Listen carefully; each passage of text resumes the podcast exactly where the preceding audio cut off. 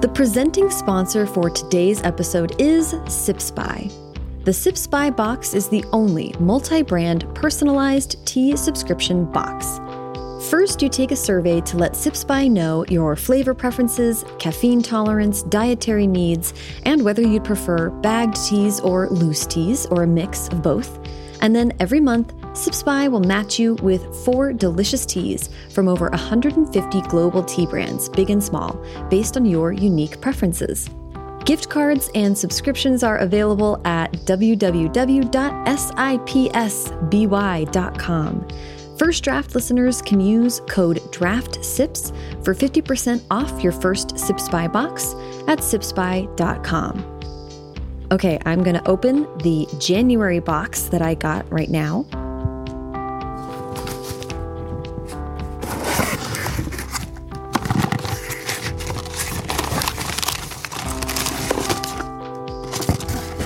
Okay. So, love this. It's got my personalized little card that guides me through the options this week. It says, Made for Sarah. Happy 2022. Um, so sweet. Looks like I have four options. One's high caffeine, two are medium caffeine, and one is caffeine free. That's awesome. The caffeine free one is a French lemon ginger. Yes, please. And ooh, organic gunpowder green tea. Excited about that one. And not only is it letting me know what teas I've received. It lets me know the temperature to steep it at, how long to steep it, and the company that made it so I can go follow them. And if I want to buy more of it, I get a discount thanks to finding it via Sipsby. So, yet again, a winning box this month. Uh, so excited to check these out. Sure to follow at SIPSBY at Sipsby on Instagram for weekly giveaways and more. They give away some awesome mugs. It's definitely worth checking out. And don't forget to use code DRAFTSIPS for 50% off your first Sipsby box at sipsby.com.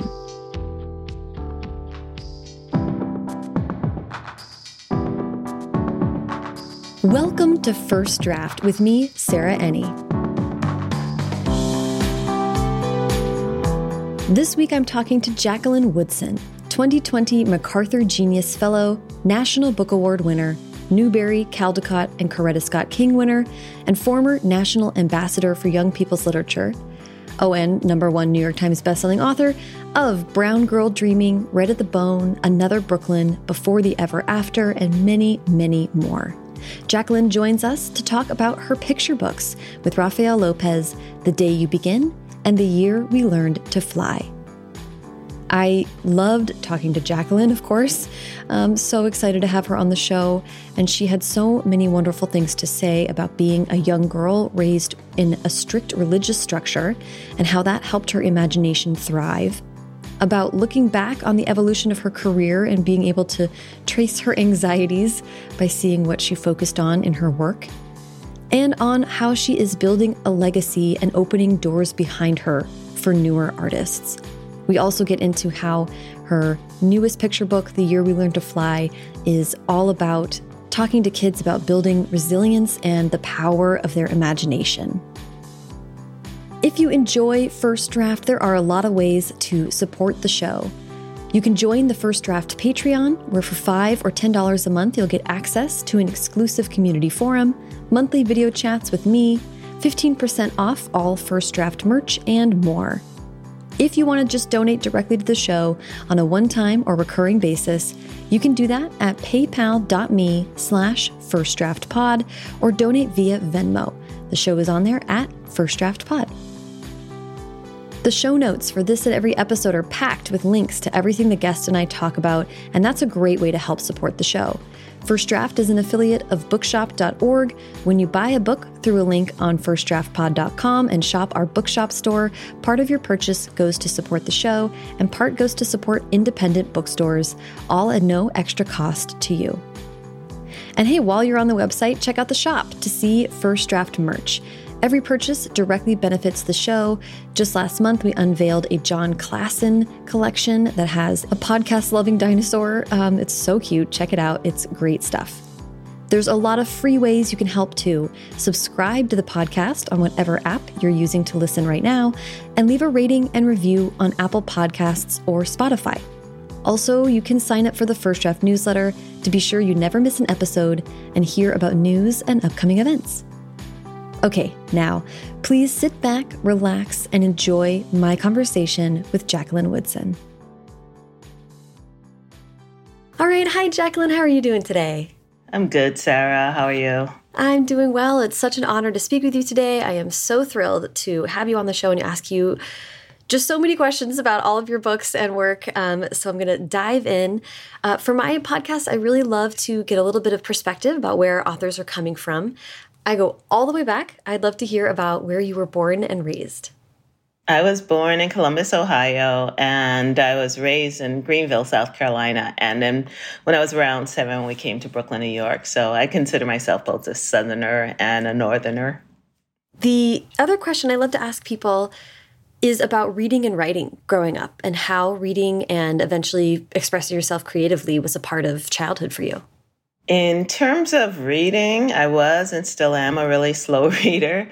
I talk a lot about this in Brown Girl Dreaming. I've always loved reading. I've always loved being read to. I've always loved writing.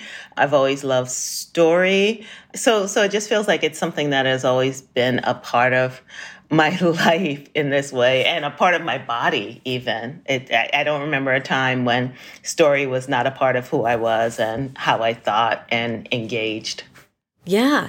I do want to ask about so in Brown Girl Dreaming, you do talk a lot about this, and you talk a bit about how story first expressed itself through you with lying, which is mm -hmm. something I really related to. so I'd love to hear about like the moment of understanding that lies could be other things, basically. You know, it's so interesting because I grew up in a very religious family. We were Jehovah's Witnesses, and the Bible is full of stories, right? And we also have parables all around us and fables. And so for me, it was just an extension of making up stories, right? That weren't always true because story, I grew up knowing stories don't have to be true. But I mean, I would get in trouble for lying about basic things like what I did yesterday or, you know, where I was or what I had for dinner, like really basic stuff that it didn't feel interesting enough to tell it as it was, to tell the truth about a thing, but everything. And I had bigger lies about my family and where we went and all of that. But I, I, I just, I just made up stories all the time. I love that. I understand that you were the literary editor for your school's magazine as early as mm -hmm. fifth grade. Yes. Is that right? Yes. Yes. First of all, incredible for a school to have a literary magazine. Oh, it was elementary school anyway. stapled it was pages stapled together, you know, that were mimeographed and, and handed out. Um, but it was a compilation of young people's writing. Well, mostly it's, mine, but. I mean, that's very cool. And then I read this interview with you where you said, I was a child on a mission to change the face of literature and erase stereotypes forever. By the time I was in fifth grade, I was dreaming of the Pulitzer Prize. Mm -hmm. It's just all of those things to me speak to a kind of seriousness early on with what you were doing. You know, the Pulitzer was the only prize I knew that was given to writers. So I mm-hmm. didn't know about the others. I mean, you know, the, even the Newbery, like I remember as a kid seeing the sticker on the book, but we never talked about it. It just, it for me, it was a book that was okay to have in a classroom right? Something about that sticker legitimized that book. But I didn't think of it as, you know, even back then, I wasn't thinking about writing for young people. I thought the, the books that had the stickers on them were for young people. I was thinking about writing for everybody. And when I thought about that, I thought about the Pulitzer Prize, a prize that's given to a writer, capital W. So I would, I would practice giving my thank you speech with a hairbrush in my bathroom mirror and you know thank my mom for getting me to the library and literally would stand there practicing this speech for this award that I knew was the only award I thought existing for writers. That's so interesting. I love that. um, well, I do want to ask a little bit about um, about being raised a religious person and how that was a part of storytelling. You already touched on how many stories are in the Bible, in the Quran. And also, you talk a lot in Brown Girl Dreaming about like the discipline of like a weekly mm-hmm. schedule mm that is related to being a Jehovah's Witness and how your um, imagination had room, I think, to grow and wander and wander during that time. How do you think about how being raised religious and with religious texts informs your storytelling style? It definitely taught me a lot about writing about, you know, the act of the religion of it being a text based religion. Um, so we were constantly studying the Watchtower of the Awake, the Bible. You know, we were reading the Quran, we were talking about the stories inside the literature. And I think for me, there was also the sitting in the Kingdom Hall on Sunday, on Tuesday, on Thursday, and the place to be absolutely bored out of my mind. And and finding story in that boredom, right? All I had was my mind to go to as a means of entertainment because I had to sit still. You know, I, I wasn't allowed to fidget. I wasn't allowed to talk to my siblings. I had no interest really in engaging because it felt like something for other people. Um, it felt like something I needed to learn when I was a grown up. That's what mm. religion felt like. But it felt like the, the part about sitting was just about you had to be physically there because the belief was that God wanted you to be physically present. Um, mm. um, but but they had my body; they weren't going to get my mind. So, but having to study the literature and really read it with a critical eye taught me a lot about reading critically and also about thinking critically and about the critical eye I would later bring to the narratives, even whether it be, you know, in the subversive manner or in this way of looking at myself critically through the lens of brown girl dreaming. But it was, I think, without having grown up in that environment where I was allowed, I'll say, to be absolutely bored and allowed to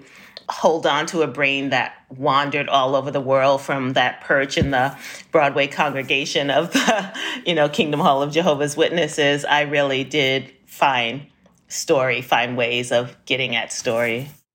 Yeah, yeah, I love that. And the thing that comes to mind to me as well, because I know you also had a couple other texts that were really important to you. I think I think Hans Christian Andersen is something you bring up often, and um, the the the giant story, the selfish uh, giant, the selfish giant. Um, yes. Seems to me in line with a lot of parable and a lot of sort of folkloric almost um, mm -hmm. stories from the Bible I mean, I, I, I was raised with that too, and I do. I still mm -hmm. feel like folkloric language is so appealing to me because I mm -hmm. think mm-hmm. that was the earliest stuff that was engaged with. Yeah, it's so true. Well, the selfish giant is a parable for Jesus, right? Um, they said the boy, these are the wounds of love. You let me play in your garden once, and now you can play in mine, which is paradise. You know, when he comes, when the when the boy comes back, he has wounds on his hands and his feet, and it's like, whoa, what's up with that? but yeah, it was interesting that that was um, so Selfish Giant was Oscar Wilde. And then uh, Hans Christian Andersen was the Little Match Girl. And that was also, you know, a story of a girl who is suffering, dies, goes up to heaven, and is gets to be back with her grandmother who has mm. passed away. But you know, for me, first it was character in those stories, right? I was fascinated by the selfish giant. I was fascinated by the boy. I was fascinated when he disappeared and the giant lost his friend, and you know the heartbreakingness of that. And um, with a story like Little Match Girl, I was. I feel like it was an introduction to social justice. you know, it was there was something so deeply wrong about somebody being unhoused by a homeless child, right? And about someone not having enough food to eat, and something deeply wrong about people just walking by this kid. And I remember as a kid saying, That's not fair. Why is this happening to her? You know, and what can I do to change this? And you know, having conversations. I was like, if I was there, I would give her food. If I was there, I'd let her stay in my house. Like, you know, as a kid, just really grappling with the ideas that these writers were bringing into our classrooms and bedrooms this idea of um, of right and wrong. I think, and I think even when I sit down to write, I do think about what is the right way to be, you know, mm-hmm, mm-hmm. and it, it it it manifests itself in all kinds of ways, but but it is it is thinking deeply about a moral code in some ways. Yes, right. And I think launching and giving kids, I think I, I'm thinking too of the way those things are written, which is simple, clear, and using a story that people can, that kids can connect to and understand to then take the steps to talk about much bigger, more complicated things, which of course is what so much of your work achieves as well. Thank you. yeah. Okay. I'm going to like ask you to help us kind of fast forward a little bit. I'd love to hear about I think you studied writing at New School, or, or I'd love to hear about how you got into being a published writer. I did. I went to undergrad and I was an English major and I took as many writing classes as I could. And then um, uh, I think it was a summer between my like junior and senior year, I took a class at the new school with a woman named Bunny Gable, Margaret Gable, and it was a class that had all these established writers in it, and it was their writing workshop. In college, I had been working on a book last summer with Maizon, and the first time I took the class, I was the only black person in the class, and everyone was writing, you know, their white stories. And I remember I wrote a story about a white family that wins the lotto and moves to Long Island, and and you know is suddenly rich. And I remember Bunny asking me where are you in this story? Why are you writing this story? And and it it struck me that you know just was just because there was all this whiteness around me, I, I did have a sense that the way you get published is you write a white story because mm. that was so many of the books that I had read as a young person. Um, mm-hmm. And then I remember reading this book that was about black people but was written by a white person. It was interesting because I thought, here's the class, and now I'm going to learn how to write about whiteness so I can get published. Mm. Uh, and then when she said that, I brought in last summer with I said, well, this is a book I've been working on, and she read part of it to the class, and there was an editor in the class who was like, I want to buy that you know, eh, from what's now Penguin Random House, but at that time was Bantam Doubleday Dell. And she bought it, and eventually she left, and Wendy Lamb became my editor for many, many years. But it was, it was so interesting in that, you know, when I told the truth, the bodega doors opened, right? Mm. Like when I when I wrote um, truthfully, um, instead of trying to write into some kind of mold that had nothing to do with who I was. It's mm-hmm. it's when things started happening, and and before that, I was sending out short stories and poetry and doing that kind of work. But but that was the first time a novel got bought.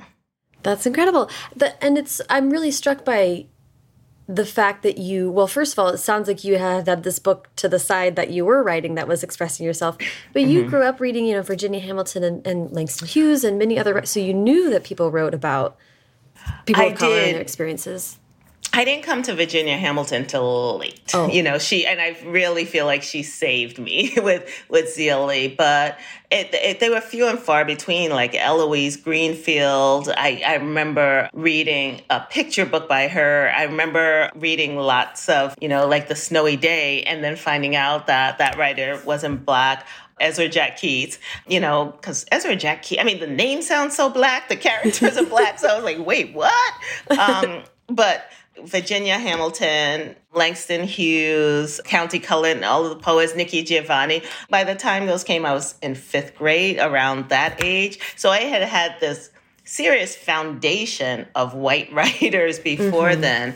And because there were so few of those books in the classroom, I mean, I remember Zeely being like the black book in the classroom, and then another book called The Hero Ain't Nothing But a Sandwich. That was a little bit later on. But then I started reading James Baldwin and Audre Lorde and Toni Morrison and Alice Walker and, and those writers. But again, that I feel like I read James Baldwin around fifth grade, but those were adult narratives too. Mm-hmm. Like in mm-hmm. terms of thinking about books that were targeted at young people I, re- I, remember Iggy's House by Judy Blume and being mad that why wasn't Iggy telling his story? Why am I reading this story? Someone else telling his story. But but yeah, when you look back on the literature that was available, especially in terms of paperback books, which would mm. would which would have been in our classrooms, mm-hmm. um, it, w- it was very scarce. Right, right. Um, well, I'm so glad you found them and that you found yes. your way to to publishing your own stories. Okay, I'm going to jump a little bit ahead and ask about kind of the um, the you've written more than 30 books, incredibly impressive back catalog, and your first book was published in 1990. So that's kind of where we're contextualizing your your career from. And I recently spoke with uh, Jodi Picoult, who also has many, many, many books written. And she was saying that when she looks back on her career and the breadth of subjects that she's covered, she can kind of track her anxieties, basically. She's like what I was worried about as a young woman, a newlywed, a mom, and now as mm. uh, a woman with grown kids, she kind of is exploring all these other things. And that just made me think about your experience looking back over the course of your career and all the all the incredibly different things that you've covered.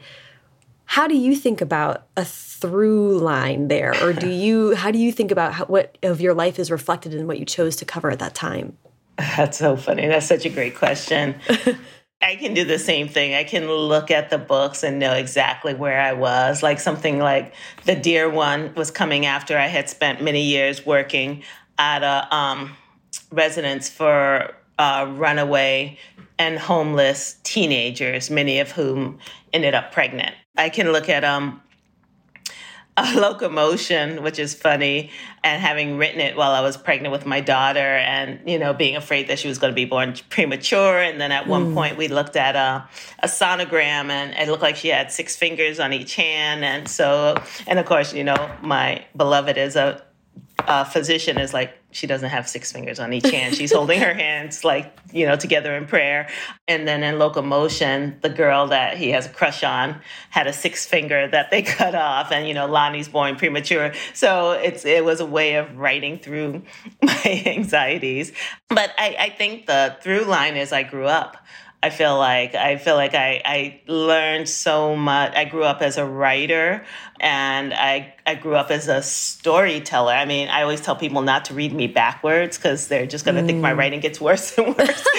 um, but but I let I definitely grew to have more faith in myself and more faith in in my ability to take chances on the page. Even something like losing quotation marks at some point. I was like i don't like the way they look on the page. They distract me. They remind they break the dream of fiction. They make me remember i'm reading a book you know? And i, I want it to be an uninterrupted narrative. But i definitely feel like i'm thinking of you know before the ever after the last book i wrote. I if if this was the beginning of my career you know i didn't care about football. I didn't care about um, you know, I was CTE was not even a quote unquote thing yet because people are still lying about its existence. But, uh, you know, I think when Kaepernick and when all this stuff started happening around football, and when I started seeing how many people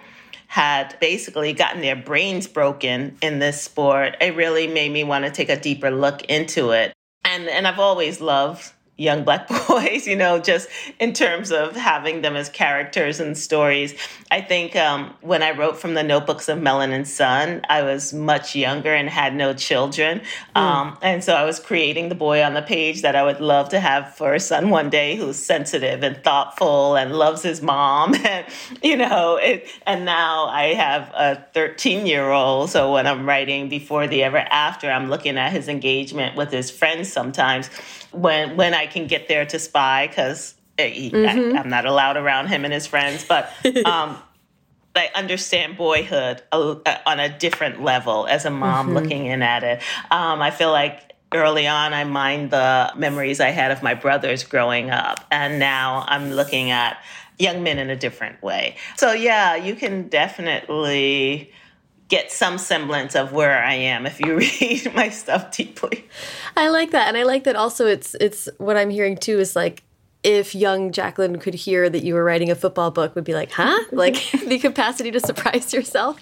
It's so true. It is so I'm still surprised. And how much I had to learn about football. I mean, thankfully my best friend uh, Toshi is a uh, he used to be a huge fan of football and can tell you the stats way back to you know, the beginning of time, basically. so I'm exaggerating, but I would go to her and say, okay, if the guy weighed 160 pounds and was this height, what position would he play? She's like, oh, you know, he's not going to be on defense because he's too skinny, or he's going to be a running back, or can he run fast? They probably make him a quarterback. But if he's black, he wouldn't have been a quarterback during this mm. period because they didn't have black quarterbacks. Like, mm-hmm. you know, just all having all of that information was really helpful.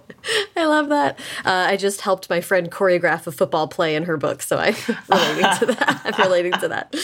Um, oh, wow. I do. I want to talk about um, Brown Girl Dreaming. So, I, like I said, kind of really fast forwarding, but getting to your career in 2014, Brown Girl Dreaming came out.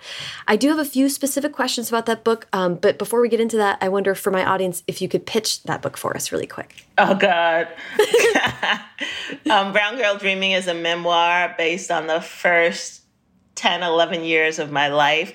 It's told in verse, and it's a story of how I became a writer. I want to ask about choosing to write a memoir in verse. Mm-hmm. You've always been a poet, but I, I read somewhere where you wrote that um, you love poetry because it wastes no time.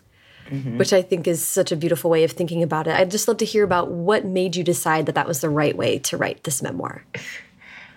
You know, it's interesting. I'm trying to think back to a moment where Brown Girl Dreaming was not in verse. Mm. And it might have existed very, very early on. I mean, I rewrote that book about 30 times and and you know different rewrites is looking at the narrative arc looking at each individual poem looking at where there was too repetition of some point i had gotten across and what i know is um it makes sense because it's a memoir. It's about memory, mm. and memory comes in these small moments, and it, these small moments with all of this white space around it. And and you, your story, your your life story is not chapter one, chapter two, chapter three. It's nonlinear, um, and the memories are um, the moments of engagement that matter to who you are becoming.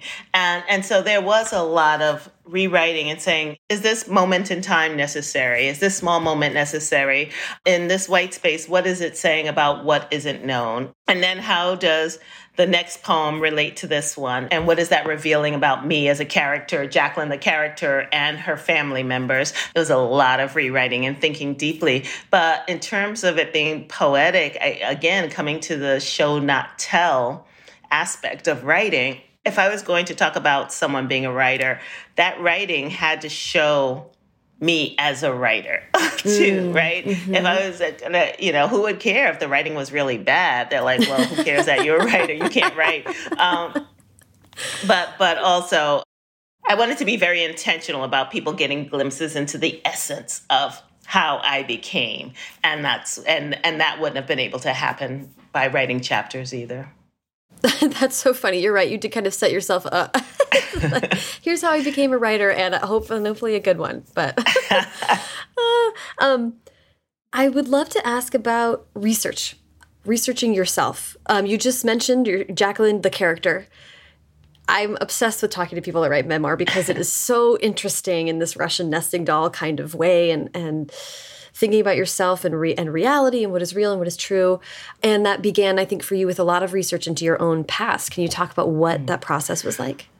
It was um it was a lot of things. I think one thing that happened when I was um around 13 and 14 my mom and dad got back together. They had been separated since I was two months old, basically. Mm-hmm. Mostly, I think. I think they might have gotten together and didn't tell us a couple of, I don't know what happened. You know, that part is a lot of white space.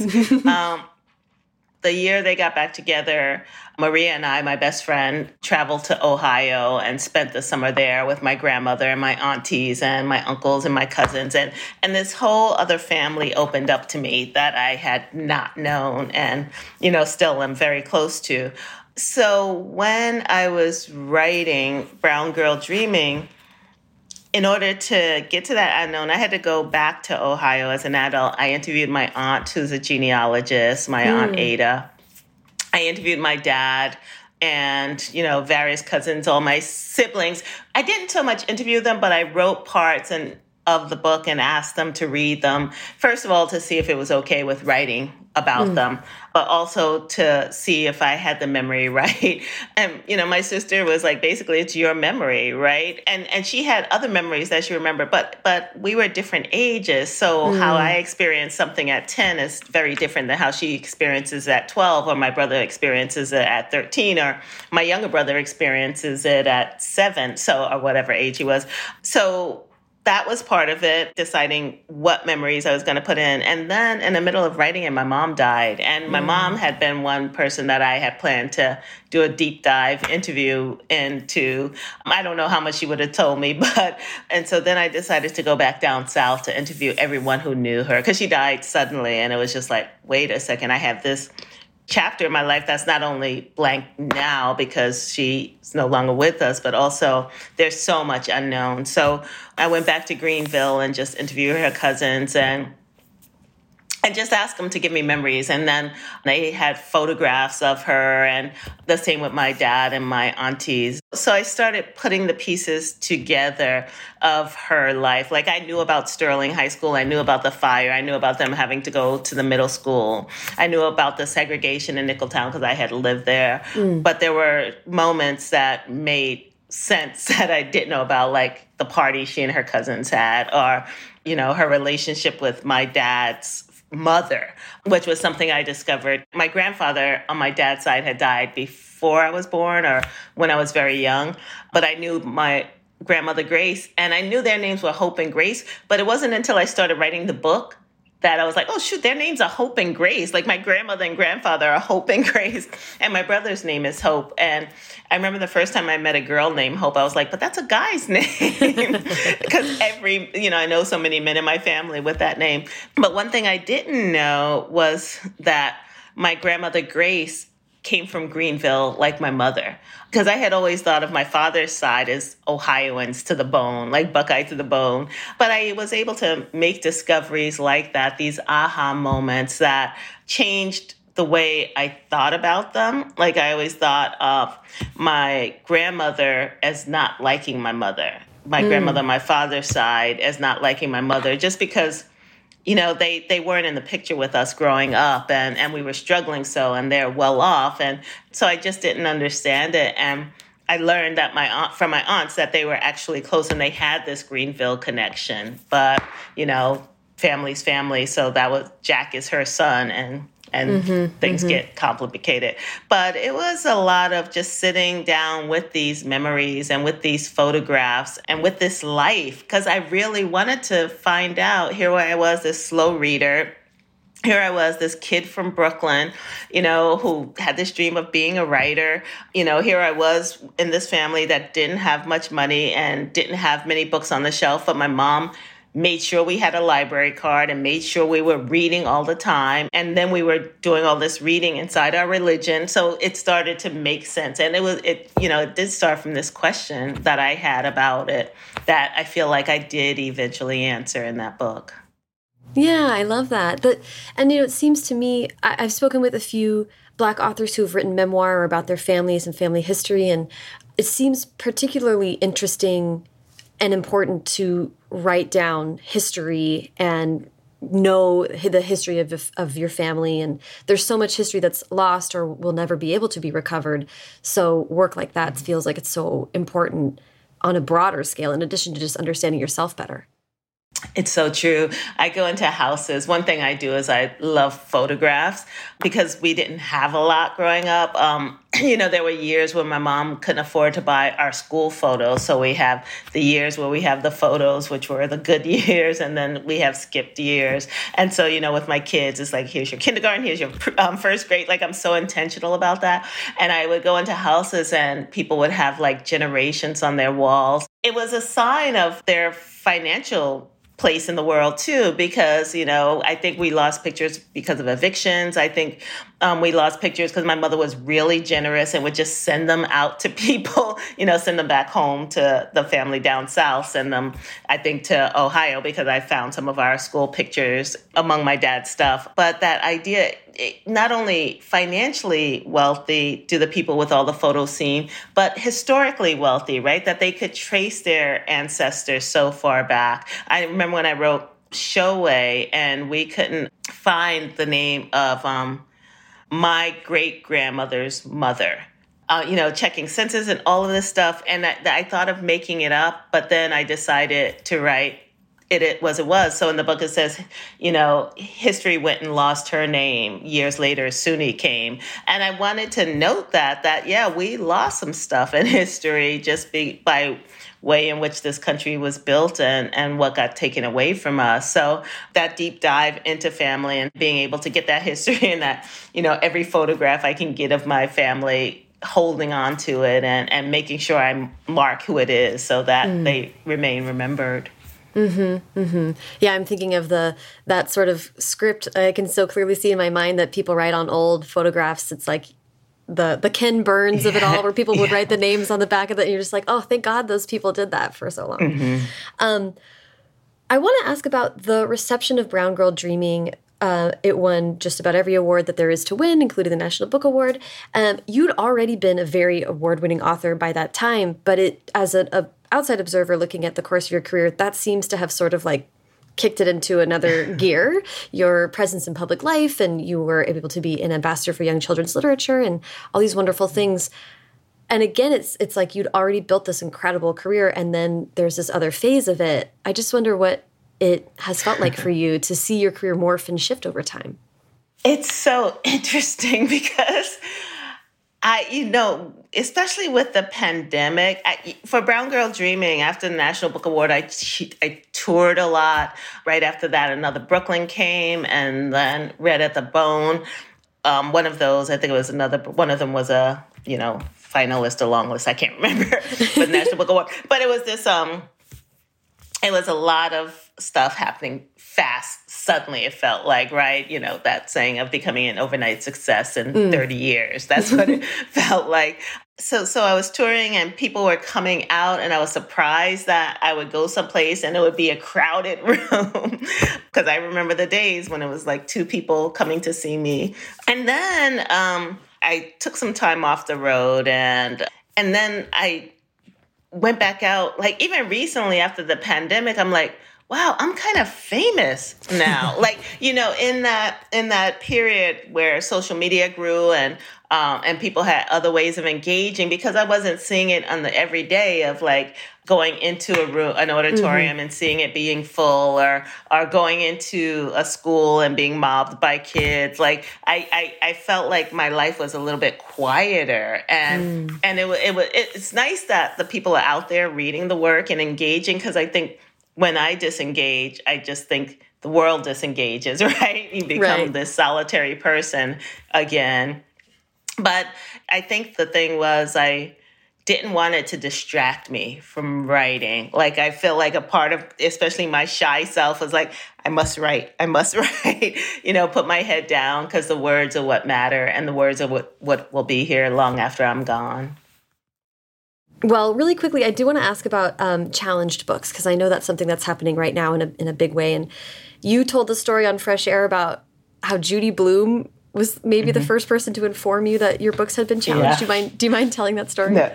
Um, Judy was putting together an anthology called "The Places That I Never Meant to Be."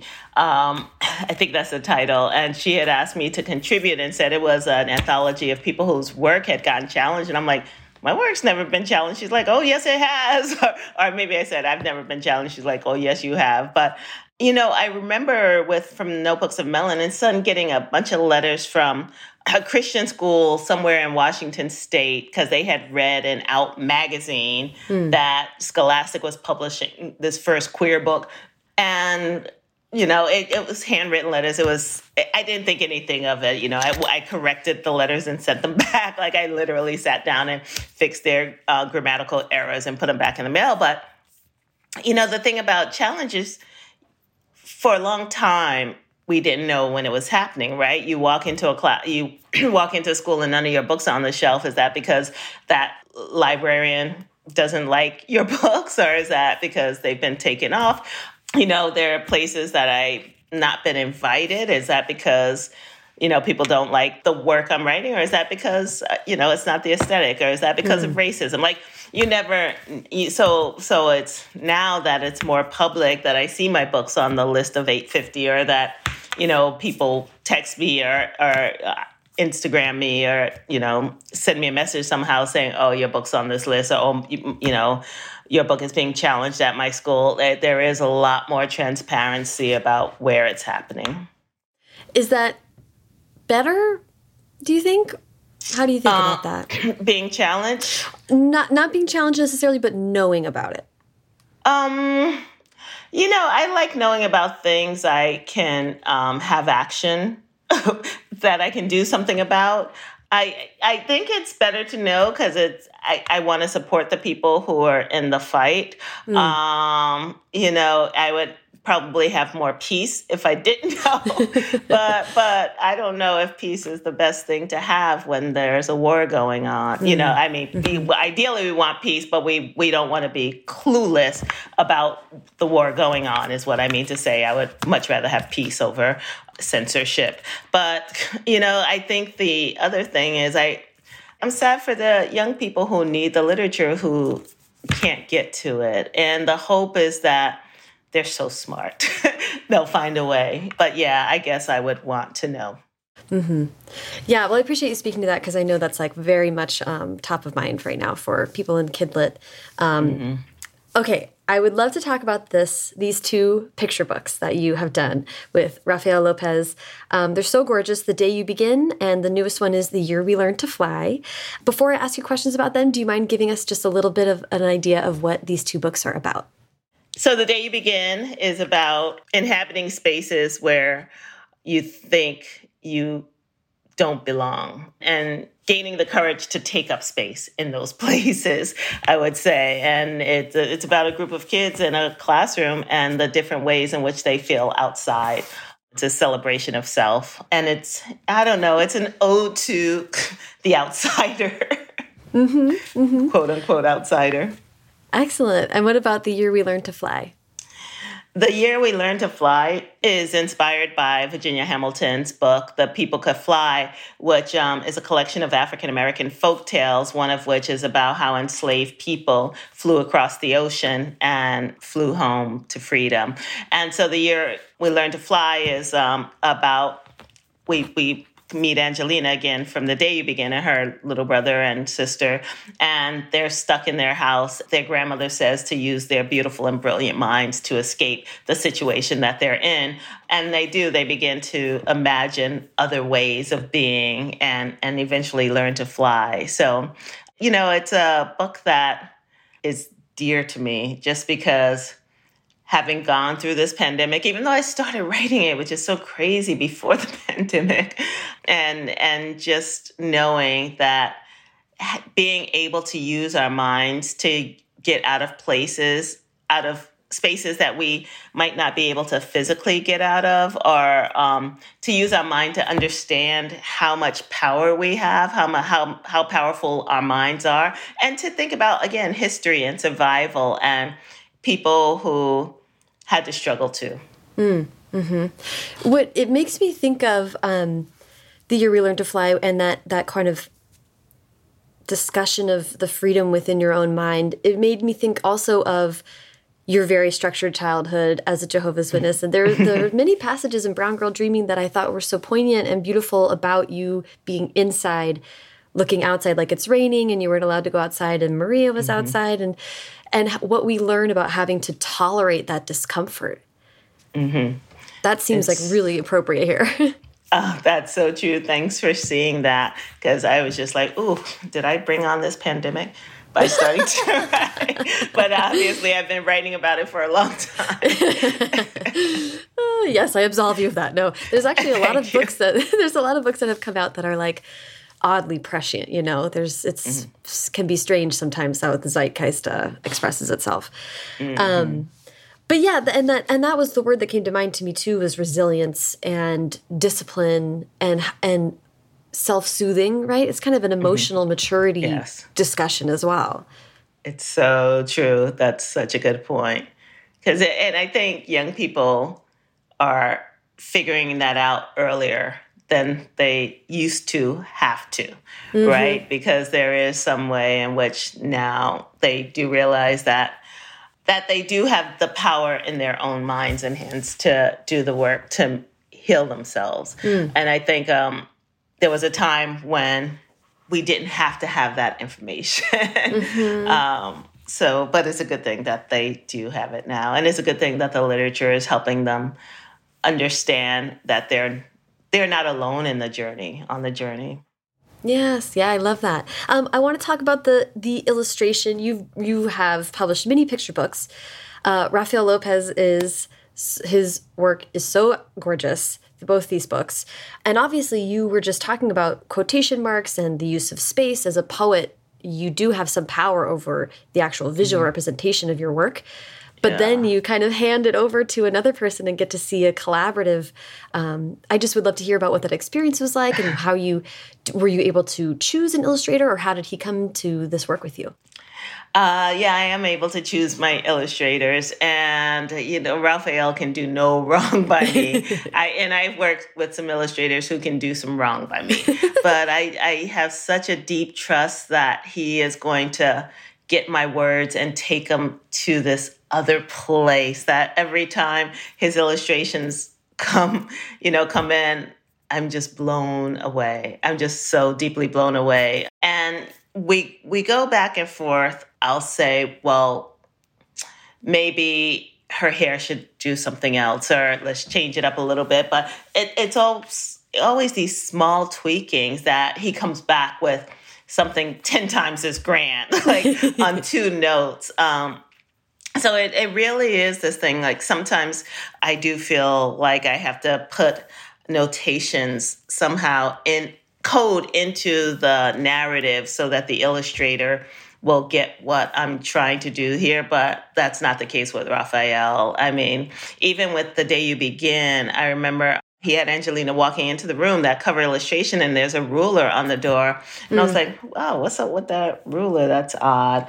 And then as I went through, and saw that, you know, he was showing her measuring herself against the people in the room she was walking into. I'm like, we need those rulers everywhere, you know, because that this isn't the only time. So then there's one in the cafeteria in the cafeteria where the girls' food is being measured. There's one where um, the boy is standing against a tree watching the kids play, and he's measuring himself against the kids in the playground. And it's just brilliant. Like he his his he's so deeply. Um, thoughtful as an illustrator and also so smart.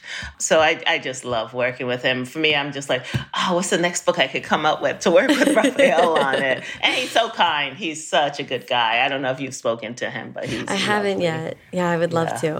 Um, and it's such a it's so great whenever uh, picture book authors and illustrators are kind of able to have a little bit more of a collaborative relationship. I know that's not always possible, but um, that makes it 10 times more special, I think. Yeah, yeah. Yeah. I wonder, actually, I mean, I just want to give you a moment to talk about the Virginia Hamilton story if you'd like, because I know you're such an advocate mm -hmm. for her work and people discovering her. Oh, I hope people keep reading her. But um, The People Can Fly was illustrated by Leo and Diane Dillon, who in the 90s and before were huge illustrators in the world of children's books. And they were interracial couple who worked collaboratively on their illustrations. One would start and hand it to the other one and go back and forth. And, and you look at these illustrations from back in the day, and they're just stunning and timeless in this way. And there is also a timelessness to uh, Virginia storytelling. So I don't know. I think I have two copies of The People Couldn't Fly. I might have three on my shelf, but I, it's just a book that when it was out, I, I just kept buying it. you know, it was like, do I have it at home or did I give it away? But but um, she she was just such a great storyteller and you know we miss her she she and and she was a support for me as a writer coming up she was also a huge fan and and um a person who supported me a mm. lot on the mm -hmm. journey. Yeah, that's amazing. Um, and I had do show notes for these episodes, so I'll be able to link to all this stuff in, oh, in the show notes so people can explore it. Okay, I want to briefly talk about maybe screenwriting. I also want to talk about Baldwin for the Arts and your kind mm -hmm. of mm-hmm. like what you've been able to shift and think about maybe some legacy conversation. But the mm -hmm. screenwriting sort of caps on, um, we're talking about visual thinking, I think, with the picture book and also research. Mm -hmm. So I just would love to hear about what you've been working on with that. Um, so with the picture books, I've been working on one for the day you begin. That's been interesting to take the characters and get them to walk and talk across the screen as opposed to a page. Um, but that's been a journey, so I'm not going to talk about that right now. um, and then I've been working on, you know, I, I, I, adapted Behind You, my young adult book, to the screen as a series. And that's been fun. It's been fun to see people who see, quote unquote, people I have seen a long time and get back into that narrative from the point of view of present day because that story took place in the 90s and and you know screenwriting is i know this is silly to say but it's different it's it's a different way of using my brain that during the pandemic I really needed to find some way to shift my brain because the writing was coming so slowly, the narrative writing. And I learned a lot about it. And I'm also working on a um, another screenplay. Uh, you know, I wrote the screenplay for Red at the Bone, which was fun. But my heart lies with books, and and and this past year and a half has taught me that. I love that. Yeah, it is. It's it's fun to stretch the mind in new ways, and I think it. Mm -hmm. When I tried writing a screenplay, and then I was I came back to books, I was like, oh, there's so many visual cues. I don't think I was properly like taking mm. advantage of, and things like that. So you always can bring things back to it. yes, yes, it's so uh, true.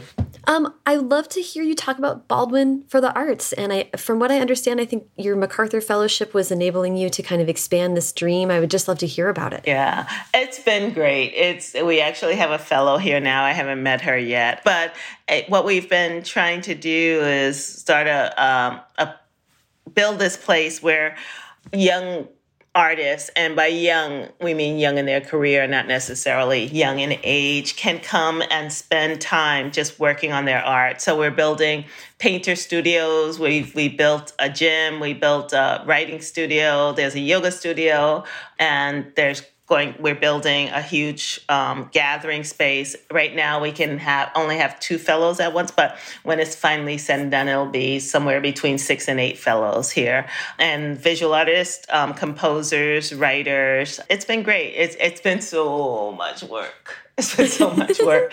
Um, I had no idea how much work from trying to get um, permissions from the town to finding an architect to um, finding builders and and and then on the other end um, finding fellows. So I actually don't read applications. I outsource it to my board. But every fellow that has come has been so grateful and so lovely, and I'm excited to see the work that comes of this. Yeah, I mean, I'd love to just hear about how you think about that. And this is definitely this is a legacy conversation, and a wanting to mm -hmm. open mm -hmm. doors behind you kind of thing. I just love yeah. to hear, yeah, how you think about I remember the first time I went to MacDowell, which is a place in Peterborough, New Hampshire for writers, composers, visual artists. And I had been applying to many residencies, and it was the first one that accepted me. And I remember getting there, so I applied for the whole full eight weeks and getting there. And the first week, you know, dealing with imposter syndrome and everything. and then seeing how much work I was able to get done when I put the everyday worries behind me uh, from everything from cooking, right? You know, three meals a day, a basket lunch delivered to your door, to you know answering the phone or, or checking emails. It was just it, I just became so much more prolific and i was one of very few people of color there. So there was uh, you know n- no workshops or anything but there was this way in which i didn't want to have to explain. So when i was building baldwin that was part of it. I wanted to create a space a safe space for a bipoc artists for artists of the global majority to come and just be here creating and invigorated by the words and works of other artists.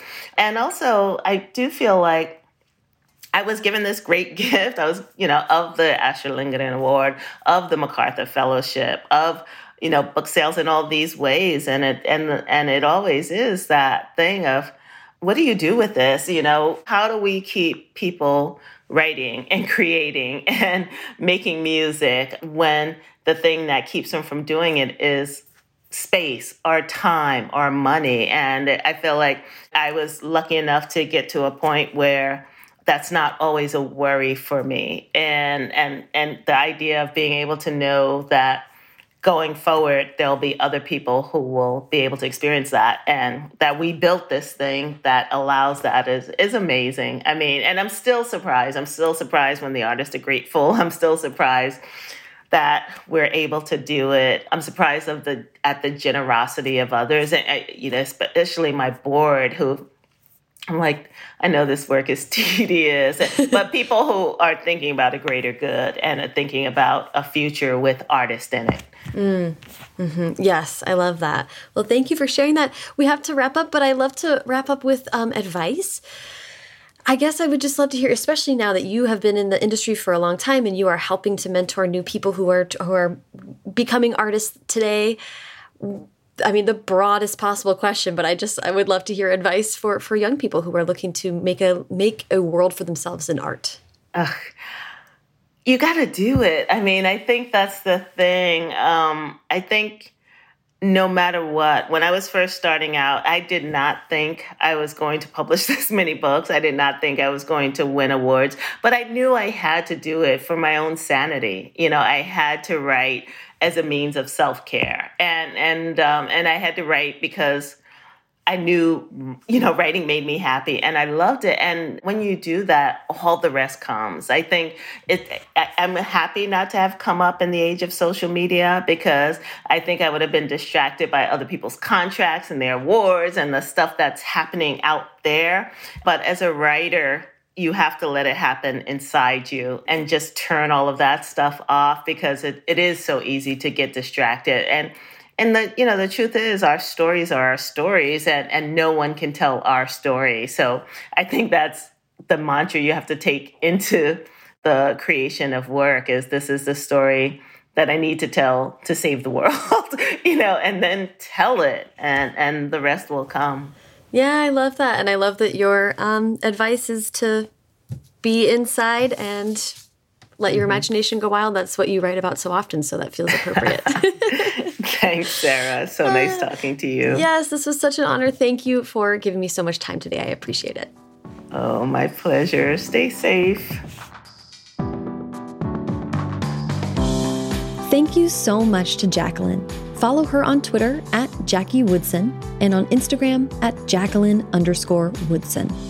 Follow me on both at Sarah Enni and the show at First Draft Pod. First Draft is produced by me, Sarah Enni. Today's episode was produced and sound designed by Callie Wright. The theme music is by Dan Bailey, and the logo was designed by Colin Keith. Thanks to social media director Jennifer Nkosi and transcriptionist at large Julie Anderson. And as ever, thanks to you, writers with stories to save the world, for listening.